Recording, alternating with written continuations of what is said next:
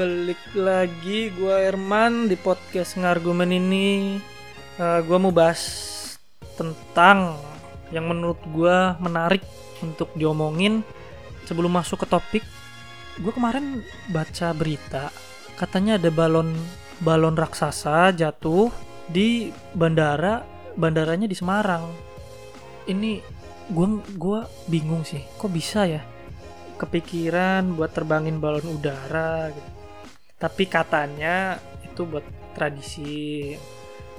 Ya berarti kalau tradisi pasti yang terbangin orang dong. Nggak mungkin hewan dong. Masa hewan terbangin? Hewan kan nggak punya kapabilitas buat terbangin balon. Kalau mereka terbangin pasti mereka juga ikut terbang. Terus pasti mereka itu punya effort untuk bisa punya balon itu entah dengan cara mereka bikin sendiri atau mungkin mereka pesan beli. Kalau kalau mereka bikin sendiri harus punya bahannya bahannya harus beli dong. Setidaknya harus beli keluar effort uang. Kalau misalnya mereka beli nih gue punya gue gue searching nih ya harga balon udara. Nah nih buset. Harganya 8 juta 800 dengan panjang eh dengan besarnya 3 meter. Oh, gede juga ya. 8 juta 800. Itu bisa buat bayar uang kos 5 bulan deh kayaknya deh.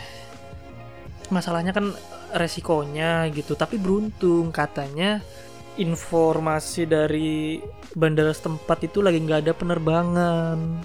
Kan itu membahayakan pilot juga ya.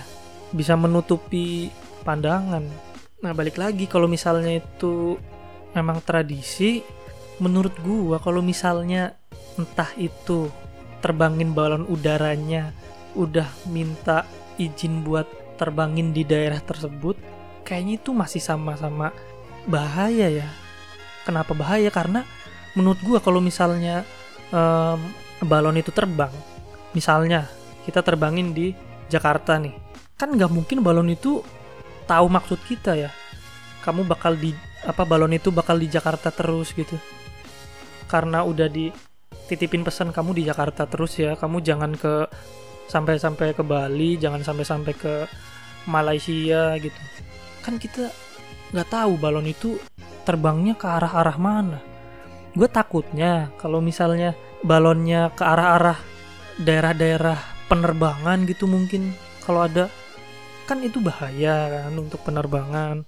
Nah makanya gue tuh bingungnya di situ gue takutnya tiba-tiba diterbangin balon udara di Jakarta beberapa jam kemudian tiba-tiba udah di benua Eropa. Aduh itu sih nggak masuk akal ya jangan.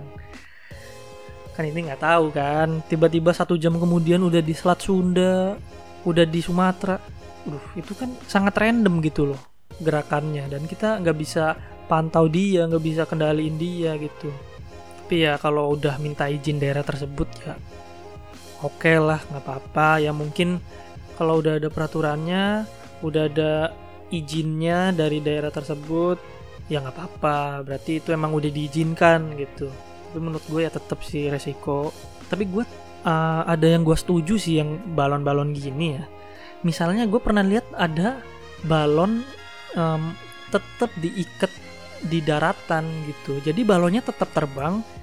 Bedanya balon itu ada talinya ke bawah. Jadi kita masih bisa kontrol.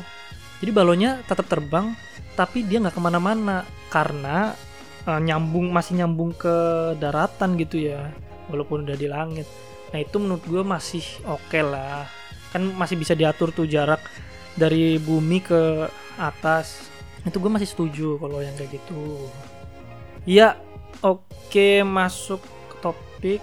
Gue mau bahas tentang obsessive love disorder. Nah, ini juga ada hubungannya dengan dengan pacaran ternyata nih. Jadi pertama, kayak biasa gue mau bacain pengertian obsessive love disorder. Biasanya disingkatnya OLD. Jadi ini mengacu pada suatu kondisi di mana Anda menjadi terobsesi dengan satu orang yang Anda cintai merasa perlu untuk melindungi orang yang Anda cintai tersebut secara obsesi atau bahkan menjadi mengendalikan mereka seolah-olah orang yang Anda cintai tersebut sudah menjadi milik Anda. Nah, ini ya mirip-mirip kayak posesif ya. Kepingin jagain pacarnya gitu. Tapi ternyata obsessive love disorder ini nggak cuman buat pacaran. Ternyata dia juga bisa buat misalnya gini. Ada yang ngefans sama suatu artis, misal penyanyi A. Dia tuh udah ngefans banget sama si penyanyi ini. Udah saking ngefansnya, dia tuh sampai berpikir kalau idolanya ini juga cinta sama dia. Jadi seolah-olah dia tuh merasa dia tuh dicintai, di uh, disayangi sama idolanya, padahal kenyataannya enggak. Katanya gejalanya sih kayak gitu. Nah, penyebab-penyebab OLD nih. Ini biasanya itu bebarengan sama penyakit lainnya. Ini dari IDN Times. Lumayan terpercaya lah. Nah, ini penyebab kondisi ini akan menyerang bersama dengan jenis penyakit lainnya seperti er erotomania yang merupakan interseksi dan delusional. Maksudnya interseksi antara delusional dan obsession love disorder.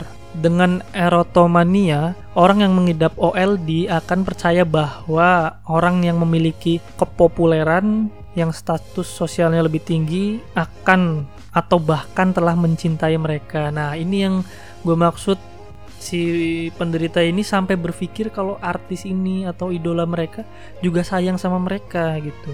Nah, itu delusi katanya. Jangan mungkin kalian punya temen yang kayak gini, mungkin entah itu ke pacarnya, entah itu ke idolanya, mungkin jangan kalian bilang, "Wah, dia halu nih, dia jangan-jangan dia ini lagi menderita erotomania jangan dijudge kalau dia itu halu atau apa gitu.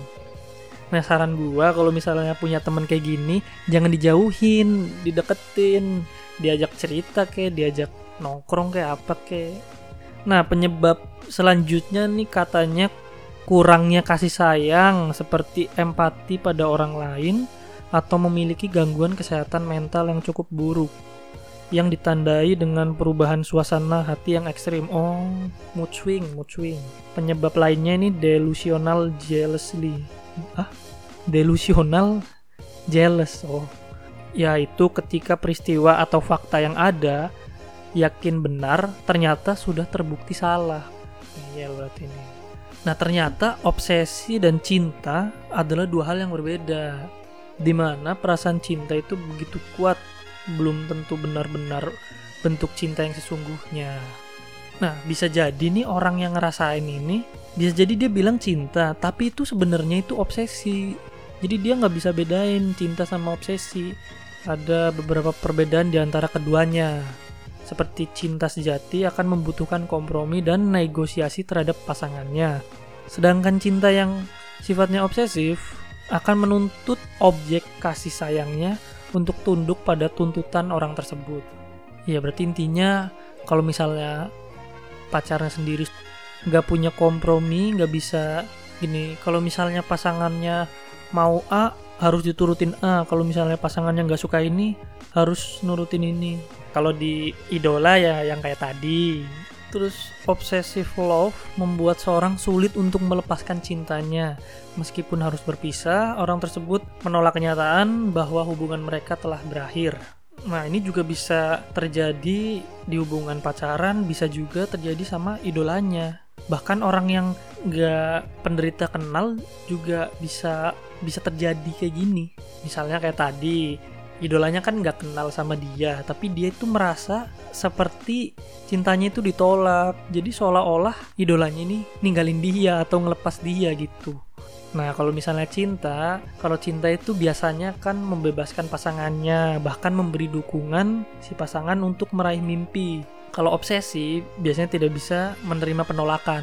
Bagi orang terobsesi sama objeknya, sama pacarnya misalnya, itu penolakan sangat menyakitkan karena ia cenderung menggantungkan dirinya ke objek cinta. Oh, jadi orang yang terobsesi nih misal sama pacarnya dia tuh bakal ngelakuin apa pun bakal nyuruh pacarnya apa pun untuk kepentingan diri sendiri biar si penderitanya ini itu ngerasa lega. Misalnya kamu nggak boleh ke sini ya. Kalau misalnya ke sini aku bakal marah. Nah dengan pacarnya nurutin dia dengan dengan dia nurut nah dia itu bisa lega gitu. Tanpa peduli pasangannya itu atau pacarnya itu suka apa enggak nyaman atau enggak pokoknya dia tuh nyuruh dan ngekang sesuka hati dia tanpa tahu ini pasangannya uh, suka apa enggak ya atau malah jadi nggak nyaman sama dia. Nah gitu oh baru tahu juga sih saya.